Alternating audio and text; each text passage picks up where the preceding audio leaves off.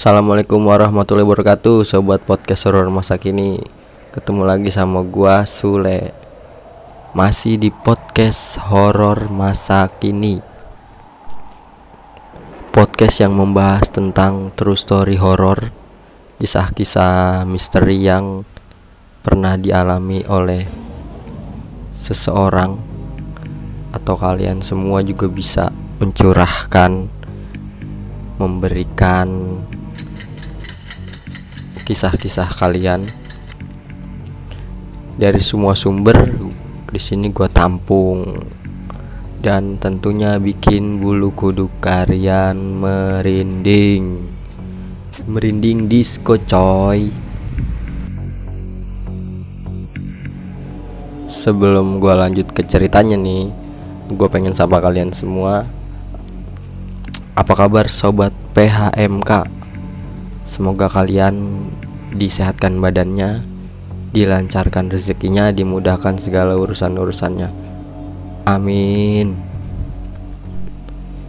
Oke, langsung aja di episode gua kali ini. Gua mau bawain cerita dari Simple Man. Ini akun Twitternya namanya Simple Man ya. Ini the real story. Horror treatnya dari di Babang Simple Man nih. Judulnya diincar penunggu pabrik tua. Uh. Dari judulnya aja penasaran kan? Halo-halo semua buat dengerin ceritanya dari Babang Simple Man. Daripada kalian nunggu lama, mending langsung pasang headset ear atau earphone kalian dan fokus dengerin cerita dari gua. Yuk. Cus, lanjut ke ceritanya. Not gua di sini sebagai sang penulis.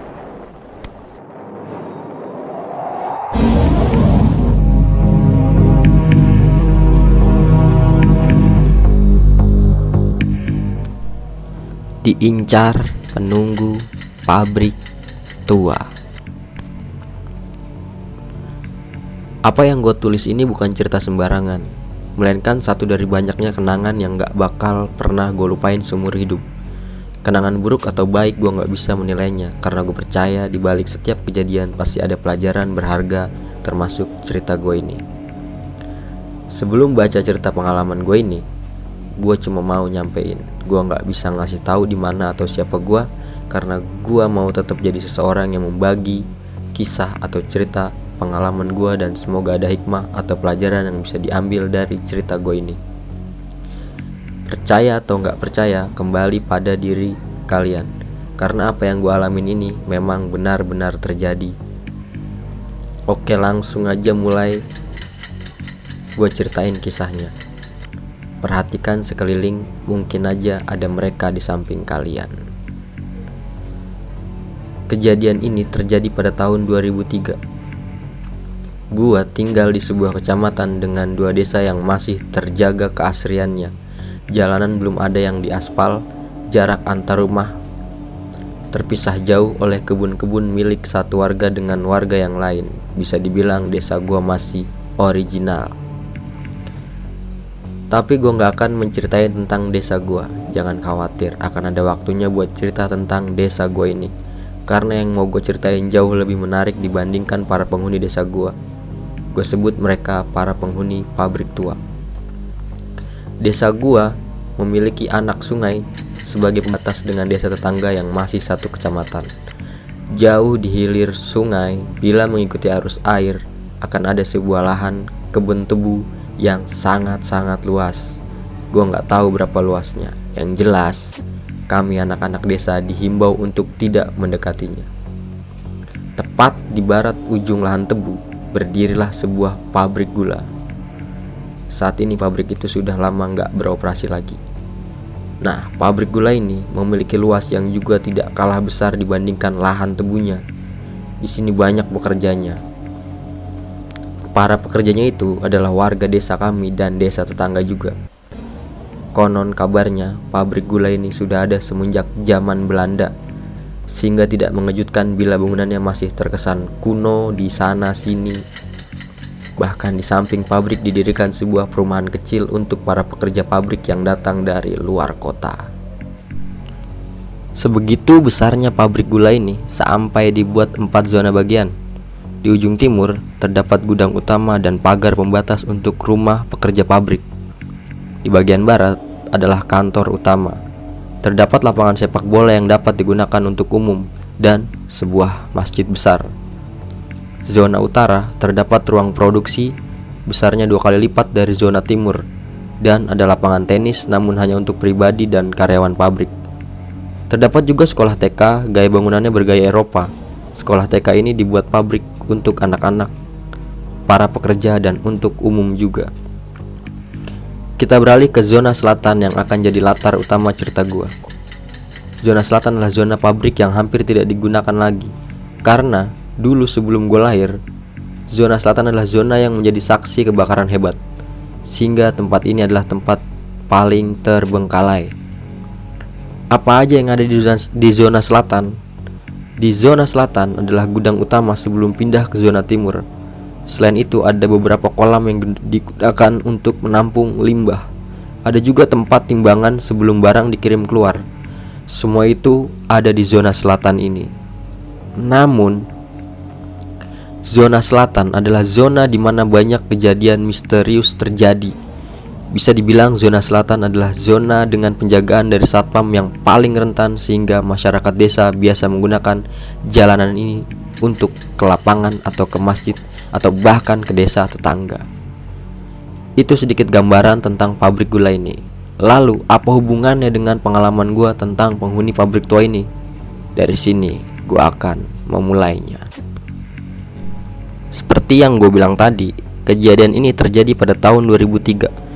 Waktu itu, gua masih menginjak bangku SD kelas 3. Gue cuma anak-anak biasa yang tumbuh seperti anak-anak yang lain. Namun, Entah apakah saat itu adalah hari sial bagi gua Karena ada sesuatu yang lain yang tampaknya tertarik sama gua. Gue masih inget jelas Hari itu adalah Kamis sore. Ada hal yang anak-anak desa gua lakuin setiap sore menjelang maghrib Yaitu main bola di lapangan. Masalahnya adalah Gak ada lapangan di desa gua Hanya pohon rindang dan perkebunan warga. Jadi akhirnya kami menggunakan lapangan lain kami menyebutnya dengan lapangan pabrik. Lapangan pabrik adalah sebuah lapangan yang dibangun oleh pabrik awalnya untuk para karyawan, namun bergeser menjadi lapangan untuk para warga dan saat ini lapangannya untuk umum. Karena lapangan pabrik ada di zona barat, sedangkan letak desa gua jauh di timur pabrik, maka kami harus memutar untuk sampai ke lapangan. Dan zona selatanlah yang paling dekat bila ditempuh dengan jalan kaki. Terdapat jalan setapak dari aspal di zona selatan.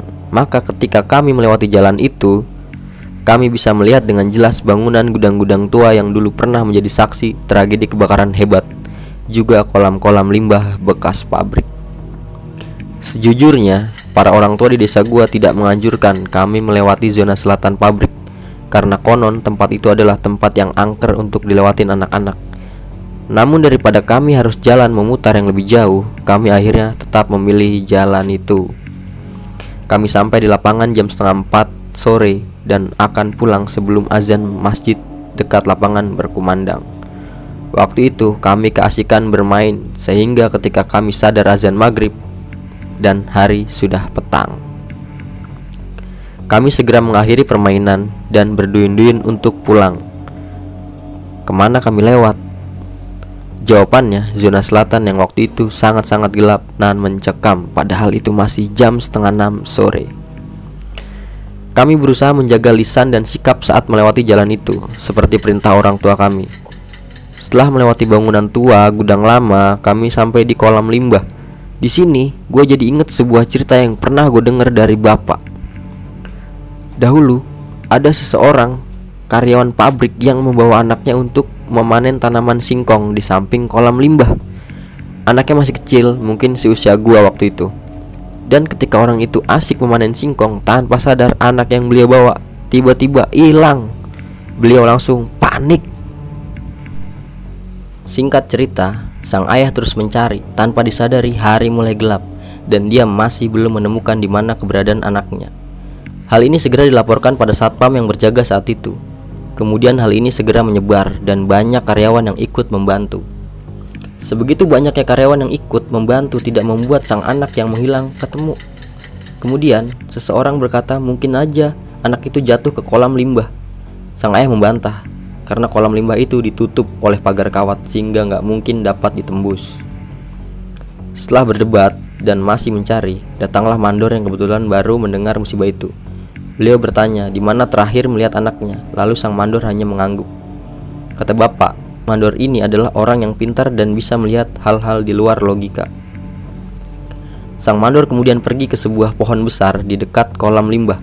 Setelah kembali, Wajah sang mandor tampak bersimpati. Beliau hanya mengatakan, "Wis, ikhlas no yo." Itu artinya sudah ikhlaskan saja. Mendengar itu, semua orang bingung, termasuk sang ayah yang tampak emosi. Kemudian mandor menjelaskan bila anak itu ada yang ngambil dan sekarang dia sudah aja, sudah nggak ada, alias meninggal, terjatuh di dalam kolam limbah. Ayahnya masih tidak percaya dan meminta bukti bila itu benar. Mendengar itu, mandor itu hanya mengatakan, tunggu pitong dino yang artinya tunggu tujuh hari. Selama tujuh hari di tempat itu diadakan pengajian dipimpin sang mandor dan juga penguburan kepala kerbau entah untuk apa. Karena kata bapak mungkin kepala kerbau itu untuk mengganti jasad sang anak yang dibawa oleh mereka.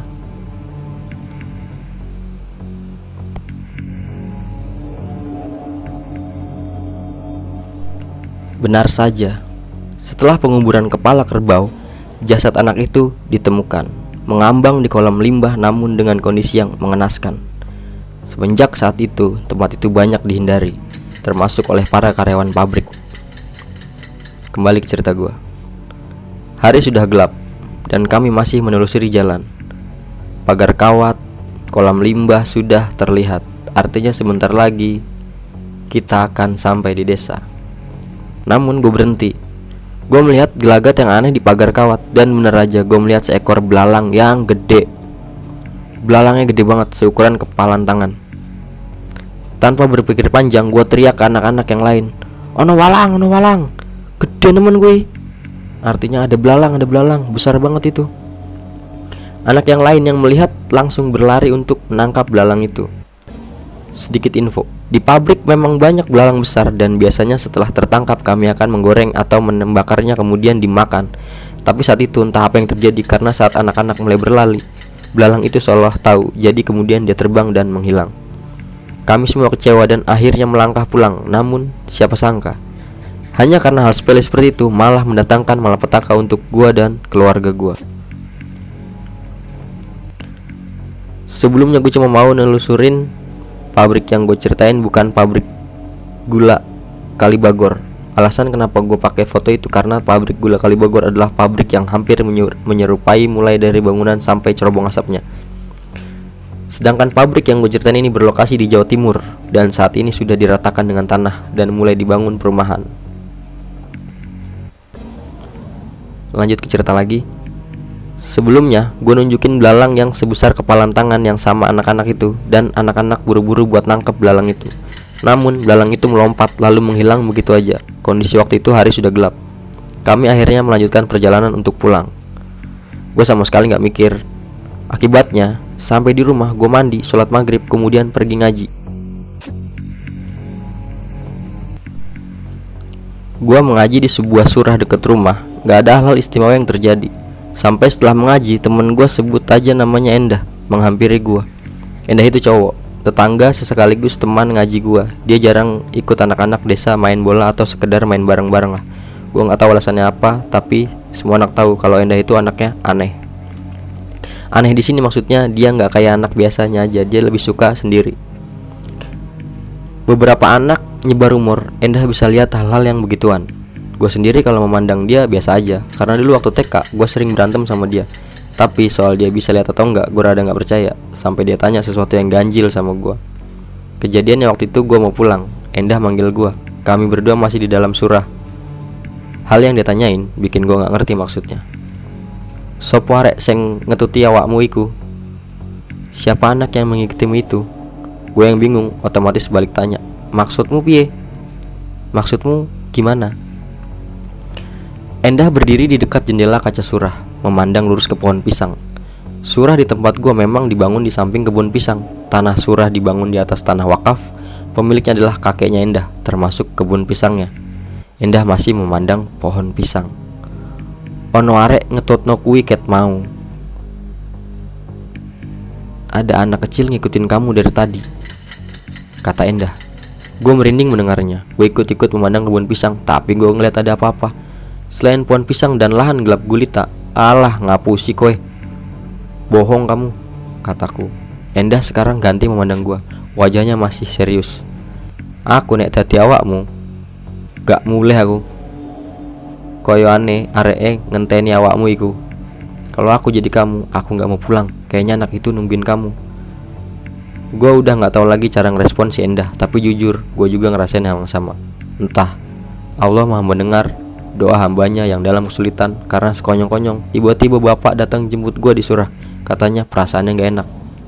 Padahal ajan isa aja belum. Gue sempat ngelirik Endah yang masih ngeliat pohon pisang.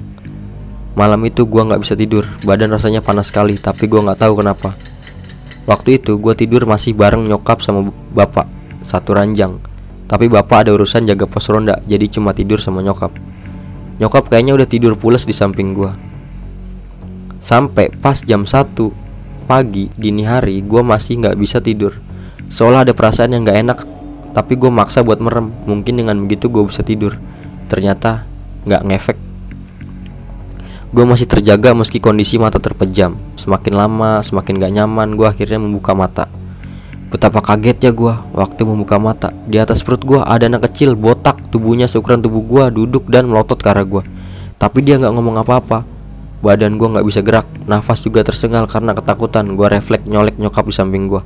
Mak, mak, tangi mak. Bu, bu, bangun bu, kata gue. Nyokap akhirnya bangun dengan enggan, tapi begitu melihat gue yang nggak beres, nyokap langsung tanya dengan wajah khawatir.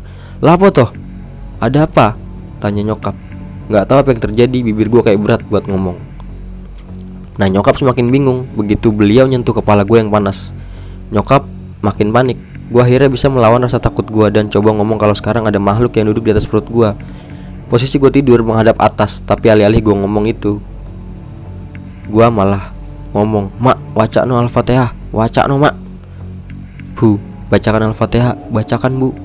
Dengar gue ngomong gitu, nyokap akhirnya pergi. Beliau kembali sama bapak yang wajahnya kalah, nggak kalah panik. Bapak yang lihat kondisi gue, akhirnya inisiatif manggil orang pintar yang kebetulan tetangga gue juga. Nyokap akhirnya baca ayat kursi sambil ngusap tangan gue Sementara gue masih dipelototin sama makhluk itu Dia sama sekali nggak bergerak sedikit pun Bapak kembali sama seseorang namanya Mbah Narno Beliau adalah tetua dan juga orang pinter yang buka praktek pengobatan alternatif Tepat ketika Mbah Narno datang, anak kecil itu langsung melotot sama beliau. Tapi hanya ditanggapin santai, sembari Mbah Narno mendekati gue Beliau duduk, kemudian tanya sama gue Dino iki, awakmu lapo tong Hari ini kamu ngapain aja sih nak? Gue masih diem bingung. Mbah Narno minta segelas air putih Lalu beliau mendoakan air itu. Gue yang masih rebahan Dipaksa minum dengan posisi tidur.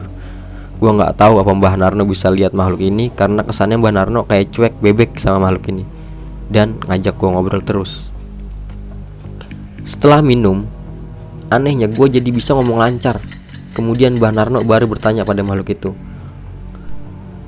Opo yang marai kowe ganggu arek iki? Apa yang membuatmu datang mengganggu anak ini? Suara Mbak Narno sangat keras dan tegas bahkan terdengar seperti ngebentak. Makhluk itu menjawab tidak kalah marah. Arek iki wes ganggu aku. Anak ini sudah mengusikku. Gue bisa dengar jelas apa yang Mbah Narno ucapkan dengan makhluk itu. Namun bapak dan nyokap tampak bingung memandang gue dari samping pintu kamar. Nganggu apa maksudmu? Ganggu apa maksudmu? Musik yang bagaimana maksudmu? Kata Mbah Narno. Kewanku harap dicipuk karo iki. Binatang peliharaanku mau diambil sama anak ini. Mbah Narno hanya diam. Gue bisa lihat beliau sedang berpikir. Kemudian beliau bertanya masih dengan nada membentak. Jalukmu apa saiki?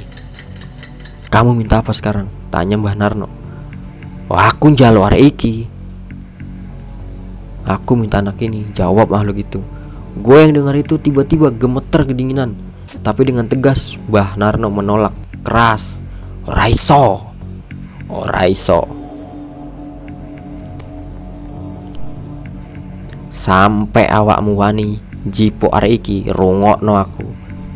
Mene bakal tak ora tarit panggonmu, tak laporno kue nggak maharatu.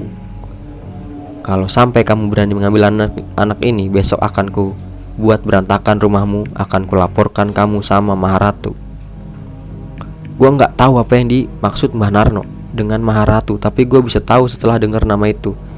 Makhluk itu mau turun dari tempatnya, wajahnya masih mendelik memandang Mbah Narno. Tingginya hampir sama dengan tinggi gua. Ngene ae. Ayo, gawe kesepakatan. Begini aja, ayo kita membuat kesepakatan, kata Mbah Narno. Nek sampai arek iki ganggu panggonmu meneh, awakmu iso nglakoniku.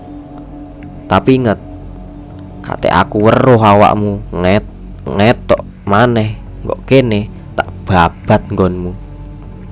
Kalau sampai anak ini mengganggu tempatmu lagi, kamu bisa melakukan rencanamu. Tapi ingat, bila sampai aku tahu kamu menampakkan diri di sini lagi, tak habisi tempatmu. Gue cuma bisa lihat makhluk itu pergi, hilang gitu aja. Mbah Narno kembali memberi gue minuman yang didoai. Kondisi gue semakin membaik. Mbah Narno juga menjelaskan apa yang terjadi dan bagaimana bisa makhluk itu datang ke sini. Rupanya, gue udah mengganggu kediamannya. Belalang yang gue tunjuk bareng teman-teman, rupanya adalah belalang jadi-jadian dan itu milik makhluk itu. Beliau tidak terima dengan apa yang gue lakuin sehingga mengincar gue. Sedangkan teman-teman gue nggak diincar. Mbah Narno juga menjelaskan ada alasan kenapa makhluk itu begitu ingin gue itu karena gue punya darah hangat bahasa Jawanya anget geteh. Ketika beliau mau menjelaskan, rupanya bapak menghentikan. Mbah Narno salah, olah bapak gue nggak mau denger itu. Lain kali, gue bakal ceritain maksud anget geteh itu, karena ini menyangkut masa lalu gue. Jauh ke masa lalu bahkan saat gue baru bisa jalan, tapi sabar. Intinya, Mbak Narno mulai sekarang akan mengawasi gue dan melarang keras gue untuk mendekati tempat itu, bahkan lewat pun nggak boleh. Gue akhirnya nurut. Dasarnya gue memang penurut. Lalu, apakah semuanya berhenti sampai di sini? Jawabannya, tidak semudah itu. Gue punya dua adik. Jarak umur adik gue yang pertama cuma satu tahun setengah, sedangkan adik gue yang bungsu itu enam tahun. Tapi kata orang-orang gue sama adik gue yang pertama sangat mirip. Bahkan banyak orang yang selalu salah membedakan kami berdua. Di sinilah bencana itu datang kembali. Adik gue nggak tahu apa-apa soal kejadian gue didatengin makhluk itu di kamar. Karena saat itu adik gue masih menginap di rumah nenek, yang masih satu desa juga. Sehingga bapak lupa ngasih tahu soal pantangan pergi atau sekedar ke tempat kolam limbah itu. Tapi sore itu, adik gue ke sana. Adik gue ke sana ketika ngejar layangan putus. Apakah adik gue celaka? Jawabannya tidak. Karena yang didatangi makhluk itu rupanya adalah gua.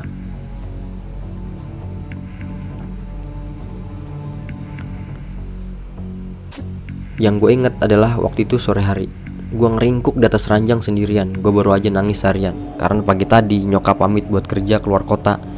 Karena waktu itu ekonomi keluarga gue bener-bener lagi ngedrop. Lagi buruk-buruknya. Nyokap kerja buat bantuin bapak. Bayangin aja gue masih kelas 3 SD dan nyokap nggak ada. Nyokap bilang akan pulang sebulan sekali tapi bagi gue itu nggak cukup. Karena gue nggak bisa jauh-jauh dari nyokap nggak ada yang tahu gue nangis seharian termasuk dua adik gue yang lebih kecil mungkin karena mereka nggak tahu apa-apa bapak bangunin gue pas ajan maghrib beliau nyuruh gue mandi lalu sholat dan kemudian ngaji tapi ada yang aneh sama badan gue karena nggak tahu kenapa badan gue kayak berat banget. Jangankan untuk berdiri buat duduk aja nggak sanggup. Akhirnya gue coba bisa rebahan sambil manggil bapak. Bapak datang. Tanya kenapa gue bangun dan akhirnya gue cerita? Pas bapak periksa kening gue, beliau kaget karena badan gue panas banget. Adik gue yang paling kecil itu ikut nenek. Jadi di rumah cuma ada bapak sama adik pertama dan waktu lihat adik gue itu di belakangnya ada tuh makhluk. Gue takut, gue cuma nangis. Bapak kebingungan. Bapak terus mijitin gue. Bapak baru sadar waktu akhirnya gue bilang, Ariku nggak kene pak. Anak itu di sini pak. Mendengar itu, bapak langsung pergi ke rumah Mbak Narno dia nyuruh adik gue yang kecil jagain gue Nggak anti-intinya makhluk itu melototin gue Gue udah takut banget Adik gue nggak paham apa-apa Tapi di sela waktu itu gue beraniin buat ngomong sama makhluk itu. Ngomongnya nggak pakai mulut ke mulut Tapi kayak gue bis kayak gue bisa ngomong tanpa pakai mulut. Semacam bayangin kalimat gue dan dia tahu. Lapo kue merene meneh. Salahku apa? Kenapa kamu ke sini lagi? Salahku apa? Dia jawab pertanyaan gue walaupun bentuknya perawakan anak kecil tapi suaranya gede.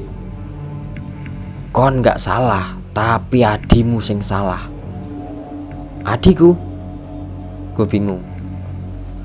Adikmu ngeruwi panggonku meneh saiki aku nuntut iku. Adik kamu mengganggu tempatku jadi aku nuntut hal itu sama kamu. Kaget gue waktu dengernya. Terus jalukmu apa meneh? Terus kamu minta apa lagi? Awakmu. Jawab makhluk itu. Gue semakin takut Waktu makhluk itu ngomong itu. Le aku mau Kalau aku nggak mau Adimu tak gowo. Adikmu tak bawa Gue langsung bangun dan anehnya gue bisa bangun lagi. Gue narik adik gue yang kayak bingung polos liatin gue Woco! Jangan gue teriak sambil nangis. Melo aku wae Awakmu gak bakal nangis meneh. Akeh koncone. Neng kono. Ikut aku aja Kamu gak akan nangis lagi. Banyak temennya di sana. Makhluk itu masih bicara Kemudian gue bisa denger Bah Narno udah datang Beliau langsung megang kepala gue Wes wes wes wes Corungokno bujuk rayune demit Sudah sudah sudah Jangan dengarkan bujuk rayu iblis Awakmu wis tak peringatno Tapi awakmu nantang aku kamu sudah saya peringatkan tapi kamu nantang saya tampaknya. Mbah Narna melotot sama makhluk itu. Makhluk itu tidak bergeming. Aku nuntut janjimu. Panggonku diora arek karo duluran iki. Aku menuntut janjimu tempatku diobrak-abrik sama saudaranya. Ora iso, ora iso.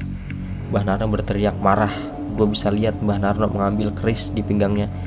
Dan saat itu juga gue kaget ada makhluk besar hampir tingginya sama dengan tinggi pintu, berbulu lebat dan bermata merah serta bertaring muncul. Makhluk itu tepat berdiri di belakang Mbah Narno. Tampaknya itu perewangannya Mbah Narno. Gue semakin takut waktu melihatnya. Aku tekon jalo are iki tok. Gak ono niat nantang panjenengan. Tapi aku gak mundur. Blas. Aku datang minta anak ini.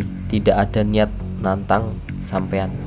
Tapi ingat saya tidak akan mundur sebelum mendapatkannya. Gua nggak tahu apa yang terjadi. Tiba-tiba gue seperti dipukul keras banget. Kalau kata bapak yang menyaksikan waktu itu, badan gue katanya ditabrak ke tembok entah oleh siapa. Begitu gue bangun, gue melihat matanya bapak merah.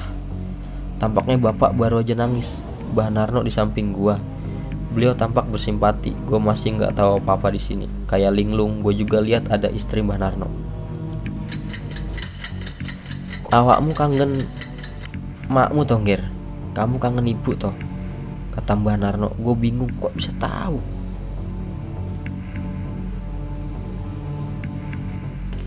Terus Mbah Narno bilang bahwa nyokap gue sedang dalam perjalanan pulang, jadi gak usah sedih lagi.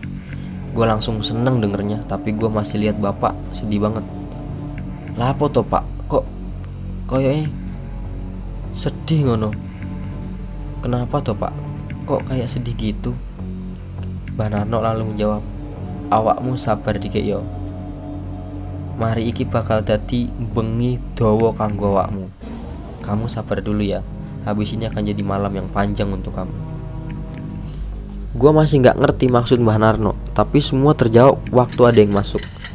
Itu adalah paman gue, Pak Deno. Gue biasa manggil Deno. Deno begitu datang langsung memeluk bapak kemudian datang ke tempat yang gue terbaring. Sopo wani-wani nyandak ponaanku? Tak keplek saiki. Siapa berani-berani mau mengambil keponakanku mau tak habis di sini. Gue nggak pernah melihat Pak Deno semarah ini. Di antara keluarga gue, sejak kecil semua orang desa tahu kalau Mbah Narno adalah tetua dan orang pintar di sini. Maka Pak Deno yaitu om gua adalah juru kunci desa gua. Mbah Narno dan Pak Deno berbicara berdua, tapi gue bisa denger yang mereka omongin. Katanya makhluk itu ada di dalam tubuh gue. Gue kaget bukan main waktu denger karena gue sendiri nggak ngerasain apa-apa. Mbah Narno juga membahas kalau gue kalau gue keteh hangat, jadinya makhluk itu nggak bisa ngambil alih tubuh. Hanya berdiam diri biar makhluk itu tidak bisa diapa-apakan sama Mbah Narno. Mbah Narno juga sudah mencoba memberi perintah sama Joko Gemblung yang gue perkirakan makhluk hitam tadi. Tapi makhluk itu lebih licik. Kalau dia ingin melukai, maka gue juga akan kena imbasnya karena makhluk itu bersembunyi dalam tubuh gue. Wajah Pak Deno merah padam. Beliau meminta air dicampur garam dan terus-menerus berkumur dengan itu sambil sesekali bertanya hal aneh ke arah gue. Pertanyaan seputar, Sopo kue? Tak ajurno pisan kue wes wani nyandak keluargaku. Siapa kamu? Tak hancurkan kamu bila berani menyentuh keluargaku. Mbah Narno hanya bilang bahwa harus sabar. Mereka nggak bisa berbuat apa-apa sebelum nyokap gue pulang. Jam 5 subuh, nyokap gue baru datang. Wajahnya sedih mau nangis. Begitu dikabari, beliau langsung nyari bus untuk pulang. Gue inget waktu itu nyokap langsung meluk gue nggak ada tintinya. Mbah Narno yang pertama berdiri, beliau bilang kalau mobil di luar sudah menunggu. Nah gue tambah bingung, apa maksudnya mobil? Ternyata ada mobil carry tua menunggu kami, Mbah Narno dan Pak Deno masuk. Kemudian gua sama nyokap. Bapak cuma berpesan agar gua yang kuat. Gue digendong sama bapak ke mobil. Tapi bapak nggak ikut karena mobilnya terbatas. Selain itu ada adik gua. Gue nggak bisa merasakan kalau ada makhluk itu di tubuh gua. Tapi gue bisa tahu kalau badan gue lumpuh nggak bisa diapa-apain. Berangkatlah gue di dalam mobil. Sepanjang perjalanan gue cuma dipeluk nyokap yang masih nangis. Mbah Narno sama Pak Deno cuma diem. Gue akhirnya nanya, Ngandi? Aduh, jawab Pak Deno ketus. Gue nggak inget sepanjang perjalanan. Yang gue tahu cuma perjalanannya lama banget, hampir 6 jam. Terakhir sebelum sampai, gue masuk ke jalanan yang samping kiri kanannya hutan. Sampailah gue di sebuah rumah di daerah kampung. Kampungnya sendiri masuk ke hutan. Kiri kanan rumahnya sederhana dari bambu. Gue masih bingung ketika mobil berhenti. Gue bisa lihat seseorang keluar dari sebuah rumah gubuk. Perempuan udah tua, di bibirnya ada warna merah-merah. Dia ngeliatin gue dari luar dari luar mobil. Wajahnya tua banget, mungkin umurnya 70-an lah, bisa lebih bahkan. Dia bicara pakai bahasa Jawa medok Cipokno wit kalori kundo Ambilkan aku daun keler nak. Dia bicara sama perempuan Umurnya mungkin 15 tahunan Masih muda. Begitu dia pegang daun kelor Dia menghampiri gua. Dipukulkan itu daun kelor ke kaki tangan gua. Anehnya gua bisa berdiri setelah itu. Mbah Narno sama Pak Deno mencium tangan wanita asing itu. Sebelum bicara orang itu sudah tahu semuanya. Dan bahkan dia tahu siapa yang mengganggu gua di dalam, wanita itu cuma ngeliatin gua. Tampangnya nggak berekspresi. Kemudian dia mengatakan, Pancen anak aneh uloh, jaluk tipites pin ngerti sopan santun. Memang dasar anaknya ular nggak pernah diajarin sopan santun. Minta diinjak ini. Gue masih bingung. Di situ gue baru tahu kalau wujud makhluk itu sebenarnya adalah ular. Mbah Narno yang pertama bicara. Yo apa iki nyai? Apa dipaksa metu? Gimana ini nyai? Apa dipaksa keluar? Gak iso Jawab wanita tegas Ulo iku lunyu Koyo welut Apa meneh Arek iki getue wanget Aku ae sampai roh langsung Mek Nontok pisan Ular itu licin kayak belut Apalagi anak ini darah nyanget Aku aja langsung tahu sekali lihat Wanita itu kemudian melihat Pak Deno. Kue kok nggak ngomong duwe dulur koyong ini? Kamu kok nggak bilang punya keluarga yang kayak begini? Pak Deno yang orangnya tegas tiba-tiba pucet. Kulom boten mikir aduh nyai. Yo tak kira dilangi mata atine wis cukup. Saya tidak berpikir sejauh ini nyai. Saya kira dihilangkan saja mata batinnya udah cukup. Wajah wanita itu merah seperti ingin marah, Kemudian dia membentak, Goblok, kudu nenek kepengen ngilangi, yo nggak ngono carane. Harusnya kalau ingin benar-benar menghilangkan nggak gini caranya. Setelah itu gue dan nyokap disuruh istirahat di sebuah kamar Sementara Mbah Narno dan Pak Deno sama wanita itu pergi Sore menjelang maghrib gue dibangunin nyokap Diajak makan kemudian balik ke kamar di situ gue baru dikasih tahu kalau nama wanita yang membantu gue tadi namanya Nyai Asih. Beliau bukan dukun, hanya seseorang biasa, tapi sering dimintai tolong orang lain. Kabarnya beliau orang sakti. Nyokap tanya kapan Mbah Narno, Pak Deno, dan Nyai Asih kembali. Perempuan itu hanya bilang, mungkin malam. Gue nggak tahu ke mana mereka pergi. Perempuan itu tampaknya mempersiapkan sesuatu kayak semacam air yang diperas entah dengan daun-daunan. Ketika dia menghampiri gua, perempuan itu bilang, "Ini untuk menghangatkan badan." Airnya keruh ketika diminum rasanya pahit nyaris kayak jamu. Setelah menunggu lama sampai akhirnya gue ketiduran, gue kaget waktu nyokap bangunin. Di ruang tamu, Mbah Narno udah nunggu. Beliau menggandeng tangan gue, nyokap suruh tinggal di kamar aja. Ketika gue keluar, gue bisa lihat Pak Deno, Nyai Asih, dan seorang lagi lelaki berjanggut putih. Wajah lelaki ini mirip lelaki tua pada umumnya, hanya aja tampaknya beliau ramah tidak seperti Nyai Asih yang cemberut. Mereka ngajak gua jalan-jalan malam. Bah Narno di kanan gua sama Pak Deno di samping kiri lelaki itu dengan Nyai Asih. Gak ada percakapan apa pun. Jalan yang gue tempuh banyak pohon-pohon besar dan jujur gue takut karena kayak sedang diawasin. Rapopo ono aku nih kene. Nggak apa-apa ada saya di sini kata lelaki itu. Nyai Asia hanya bisa mengatakan kalau nyaris semua makhluk di sini membenci gua lebih tepatnya apa yang gue bawa yaitu makhluk itu. Tapi karena gue nggak bisa lihat jadi cuma bisa ngerasain. Lama berjalan akhirnya gue sampai di pendopo. Kayak semacam rumah tapi hanya ada satu ruangan harumnya wangi banget. Dan ketika gue masuk gue pusing sekali nyaris pingsan. Tapi Nyai Asih masukin benda yang biasa dia gigit ke mulut gue jijik awalnya tapi itu benda. Biasa digigit. Wanita tua itu tiba-tiba dimasukin ke mulut gue rasanya pahit sangat pahit malah. Cokotan itu gigit aja itu di dalam ruangan itu. Cuma ada tempat tidur di tengah. Gue disuruh rebahan tidur Mbah Narno duduk bersila. Sementara Pak Deno hanya berdiri di sisi lain. Nyai Asih dan lelaki asing itu mengawasi di pinggir. Setelah semua pintu dan jendela ditutup, gue bisa nyium aroma bunga yang menyengat. Pertama, buka mata batine, kata lelaki itu. Nyai Asih masih memandangi gua tanpa ekspresi. Sementara lelaki itu nyentuh mata gua dia nyuruh gua merem. Gua nurut gua nggak bisa lihat apa-apa cuma denger suara Mbah Narno dan Pak Deno komat kamit. Pelan kepala gua kayak diteken sakit. Gua sampai teriak.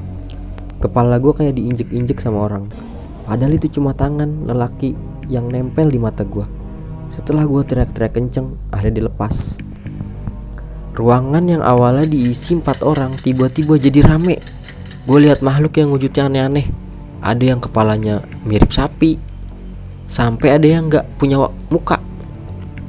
Gue merem lagi. Tapi lelaki itu ngomong kalau mereka ke sini gara-gara apa yang gue bawa. Selanjutnya lelaki itu menjelaskan dia bakal pergi dari tempat ini dengan yang lain. Ninggalin gue di sini sendirian sama makhluk-makhluk itu.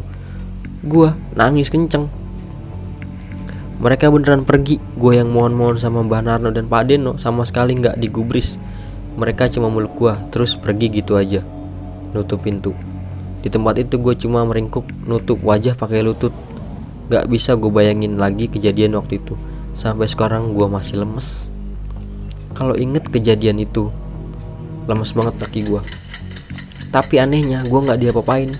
Gue cuma dipelototin doang lama gue di sana hampir sepanjang malam kalau seinget gue sampai gue kaget waktu ada yang gedor-gedor jendela sama pintu keras banget suaranya bikin gue teriak-teriak nangis terakhir yang gue inget gue lihat Mbah Narno dan Pak Deno megangin tangan dan kaki gue Sementara Nyai Asi megangin kepala gua. Badan gua kalau mau tahu nggak karuan. Tempat itu udah sepi lagi tapi sakit sekali badan gua kayak ada ribuan makhluk ada di dalam tubuh gua. Gue cuma denger Nyai Asi bilang, "Tahan, Ger, tahan." Rupanya semua makhluk itu baru aja dikumpulin sama Nyai Asi. Pak Deno sama Mbah Narno, mereka dikumpulin buat dimasukin ke tubuh gua. Ya tubuh gua yang kecil ini diisi makhluk sebanyak itu. Gue jerit. Tangan Nyai Asih rasanya panas sekali. Kayak bikin kulit gua melepuh. Setelah itu gue nggak inget apa-apa lagi. Karena bangun-bangun gue udah di kamar sama nyokap. Kejadian semalam kayak mimpi buat gue. Nyai Asih masuk kamar dan kemudian duduk di samping gue. Kali ini gue bisa lihat dia senyum. Giginya rupanya ompong. Suaranya serak. Seperti semalam. Sepertinya semalam adalah hari yang melelahkan bagi beliau. Harus berteriak-teriak supaya gue tahan rasa sakit itu. Untung kuengger iso nahan. Mula iku gak gelem ngaleh basi diajar sak mono demit sing tak lebokno mau bengi. Untung kamu bisa bertahan. Ular itu tidak mau pergi meskipun diajar oleh setan sebanyak itu yang tak masukin ke badanmu. Di sini beliau memberitahu soal maksud getih hangat dan kenapa Pak Deno dulu sempat melakukan hal itu. Nyai Asih hanya bilang kalau punya getih hangat itu hal yang tidak bagus. Karena dasarnya ada manusia yang begitu disukai jin atau setan dan sebangsanya. Getih hangat atau darah yang hangat ini bisa memancing makhluk itu untuk masuk ke tubuh dan menguasainya. Tapi masalahnya nggak ada yang tahu apakah si getih hangat itu tiang kembar, maksudnya jodoh. Begini saja biar tidak bingung pernah lihat manusia yang kerasukan jin dan jinnya tidak mau pergi bahkan sudah dirukyah puluhan kali tapi jin itu tidak bergeming untuk pergi. Si manusia pastilah si getih anget. Dan jin yang sudah masuk itu adalah tiang kembar alias sudah berjodoh. Jadi kabarnya jin atau makhluk sebangsanya ini bisa merasuki orang-orang tertentu yang terutama dicari adalah si getih anget ini. Jadi seandainya begini ada jin yang ngincer gua Kebetulan jin itu ternyata tiang kembar gua. Sudah selesai, Nyai Asih tidak akan bisa berbuat apa-apa. Tidak ada yang bisa dilakukan lagi kecuali mati. Saat manusia itu mati, si jin juga selesai. Di sini gue cukup ngeri ngedengernya. Nyai Asih bercerita, pernah ada kasus kayak gini. Seorang wanita tua, umurnya kisaran 40 tahun, dan dia adalah getih hangat. Dia diincar oleh seseorang yang kebetulan tahu bila si wanita itu adalah getih hangat. Ada sebuah benda yang sengaja ditinggalkan di rumah wanita itu. Ketika dibuka, jin itu masuk ke tubuhnya. Suaranya berubah dan kerjaannya setiap hari hanya meracau. Keluarga ketakutan, mereka bahkan mengadakan pengajian rutin dan memanggil orang pintar untuk merukyahnya. Dan hal yang bikin gue ketakutan ngeri adalah ketika dibacakan ayat-ayat Al-Quran. Si jin justru tertawa, mengejek dan memberitahu kalau cara bacanya salah. Dia kemudian ikut membaca ayat-ayat itu lebih fasih. Konon dia tidak akan bisa diusir dengan cara apa pun. Banyak orang yang mencoba mengusir tapi selalu gagal. Sampai akhirnya dibawalah ke Nyai Asih. Jin yang masuk berusia ribuan tahun datangnya dari timur tengah dan jinnya memang sedang mencari jodohnya. Kebetulan bertemulah dengan wanita ini yang ternyata berjodoh. Hampir sebulan Nyai Asi mencoba berbagai cara dari membujuk, membuat kesepakatan, tapi jin itu tidak bergeming. Bahkan jin itu menertawai Nyai Asih dan menyebut Nyai Asih itu cuma manusia dengan ilmu secuil biji kurma. Akhir, akhirnya Nyai Asih menyerah dan wanita itu menjadi gila, sudah tidak tertolong. Sejak saat itu Nyai Asih begitu mewaspadai bila tahu ada orang getih hangat di sampingnya. Jangan sampai si getih hangat bertemu dengan pinang kembarnya. Lalu bagaimana bila getih hangat bertemu dengan jin atau makhluk yang bukan pinang kembarnya? Nah, di sini Nyai Asih memberitahu bila si makhluk hanya dapat mendekam di dalam tubuh itu, menempel seperti parasit. Dia akan terus di sana karena menempel pada getih hangat itu berbeda dengan menempel pada orang biasa. Getih hangat tidak dapat diambil alih kesadarannya oleh sembarangan makhluk semacam itu. Jadi getih hangat itu kebal terhadap kerasukan. Ada beberapa getih hangat yang menggunakan keistimewaannya dengan memelihara atau lebih dikenal dengan pegangan Biasanya pegangan ini siluman dari golongan jin. Terakhir, jin yang memegang nama sebagai tiang kembar itu katanya Asi levelnya sudah bukan jin sembarangan. Biasanya ilmunya sudah sangat-sangat tinggi dan umurnya ribuan tahun. Dan bila dia memegang wilayah, bisa langsung jadi rajanya. Begitu ditakuti oleh bangsa-bangsanya. Gue yang merinding mendengarnya itu lantas bertanya, Apakah selamanya gue seperti ini, diincar, Ya hanya diam kemudian berucap Engkau yole Iso tiawu tapi nggak iso diilangi Artinya nanti tapi bukan sekarang Sebenarnya bisa disamarkan tapi tidak dapat dihilangkan No, engkau bakal nggawa awakmu merene nek wis wayai Nanti kamu akan membawa mu ke sini lagi jika sudah waktunya. Gue penasaran dengan nasib ular yang merasuki. Nyai hanya mengatakan wis mari wis ditemokno neng rojone Maharatu. Sudah selesai sudah dipertemukan dengan rajanya Maharatu. Sebelumnya gue pernah denger Mbah Narno mengatakan Maharatu jadi gue bertanya sama Nyai Bila mengatakan bahwa pabrik gula yang luasnya seperti itu apa dipikir hanya ditinggal satu makhluk? Di sana ada kerajaannya dan ular ini adalah anakannya dari ular yang lebih besar. Wujudnya wanita dengan bagian bawah ular itu pun dia bukan rajanya. Rajanya ada di tengah-tengah pabrik antara zona timur dan zona barat. Jadi, bila sudah dipertemukan dengan rajanya, biasanya ular itu akan diusir agar tidak berada di wilayahnya lagi. Kalau masih nekat, ya selesai ular itu dihabisi rajanya. Jujur, gue masih penasaran maksud rajanya ini dan kerajaan yang konon ada di pabrik gula ini tapi gue urungkan, yang terpenting gue udah bersih dan tidak akan diganggu lagi. Singkat cerita, gue balik sama Mbah Narno, Pak Deno, dan nyokap. Pas jalan, gue inget, kenapa gue nggak lihat lelaki berjanggut itu lagi. Mbah Narno mengatakan kalau itu adalah jin yang selama ini ikut Nyai Asih, jin Muslim, dan dia yang membantu mengeluarkan makhluk itu, alias ikut masuk ke tubuh gue gue cuma diem. Gue kecil banget bila dibandingkan orang-orang ini. Pengetahuan gue hanya sebatas bahwa memang ada dunia lain yang hidup berdampingan dengan gue selama ini ada dunia yang gak kita ketahui rupanya. Begitu sampai di rumah adik gue dikasih tahu.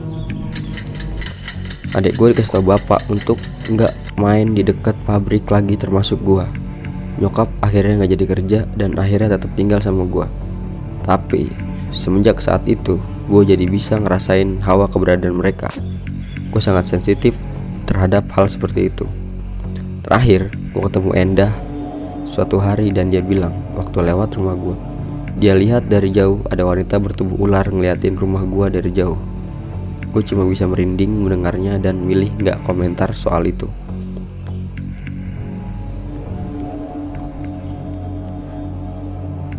Lain kali gue bakal ceritain kerajaan yang ada di pabrik itu. Selama selama gue hidup sampai saat ini gue denger banyak kisah yang gak kalah bikin merinding tiap mendengarnya. Tapi gak sekarang. Akhir kata gue cuma berpesan hiduplah dengan dasar bekal agama yang kuat dan terkadang selalu ingat bahwa tidak ada yang lebih besar dari kuasa Allah karena bagaimanapun hanya dialah yang maha tahu dari segala yang ada di muka bumi ini. Akhir kata gue akhiri tweet ini Wassalamualaikum warahmatullahi wabarakatuh.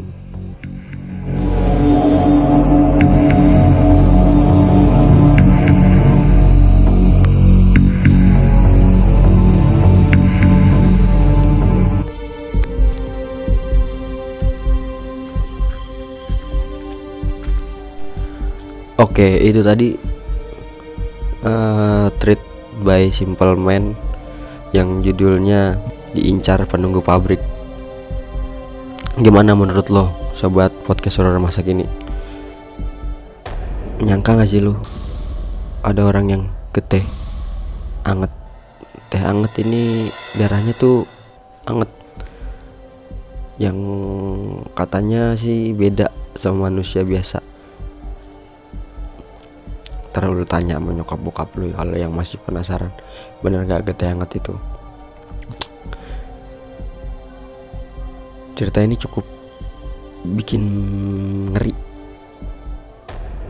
Kalau ada di posisi si penulis tadi. Buat lo yang percaya ya monggo yang enggak juga nggak apa-apa. Kan ini emang bener-bener cerita nyata mungkin yang di luar logika. Nggak masuk akal. Oke cukup sekian dari podcast gua ini Semoga kita ketemu lagi di episode-episode selanjutnya Semoga kalian gak bosen dengerin gua ceritain treat-treat horor. Semoga kalian tetap setia di podcast horor masa kini. Oke, terima kasih banyak. Sebelumnya gua mau ngucapin assalamualaikum warahmatullahi wabarakatuh. Sampai ketemu di cerita-cerita horor selanjutnya.